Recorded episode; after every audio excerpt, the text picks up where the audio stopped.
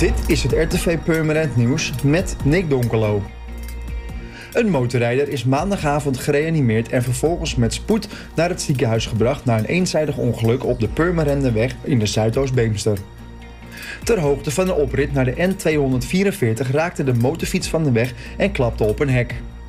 Hulpverleners hebben de motorrijder een tijd lang gereanimeerd, waarna de persoon door de ambulance werd afgevoerd. Vanaf vandaag is het op woensdag en donderdag mogelijk een coronaprik te halen in het Dijklanders ziekenhuis in Purmerend. Tussen half negen ochtends en vijf uur s middags geven de medewerkers van GGD Zaanstreek Waterland deze prik in de centrale hal achter de koffiecorner. U kunt hier zonder afspraak terecht voor een eerste of een tweede coronaprik. Als u een uitnodiging heeft voor de derde prik, kunt u deze ook hier halen.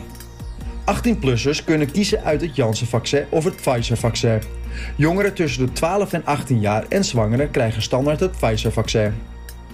Vereniging Historisch Purmerend vertoont op zondag 14 november oude films die bij vele Purmerenders herinneringen zullen ophalen. Presentator Jan Viskoper neemt de kijker mee naar de jaren 1959-1960. Jan Viskoper heeft zelf ooit films gemaakt voor de Small Filmclub in Purmerend en heeft in zijn jonge jaren heel wat mooie beelden verzameld. Te zien is onder andere de huldiging van de familie Tromp, de dansschool van Aard Aardse en Purmerstein in actie op het voetbalveld.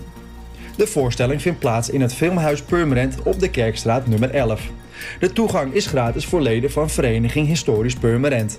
De toegangsprijs voor niet-leden bedraagt 3,50 euro en de aanvang is om 2 uur middags. Voor meer nieuws, kijk of luister natuurlijk naar RTV Purmerend. Volg je onze socials of ga naar onze website, dat is www.rtvpurmerend.nl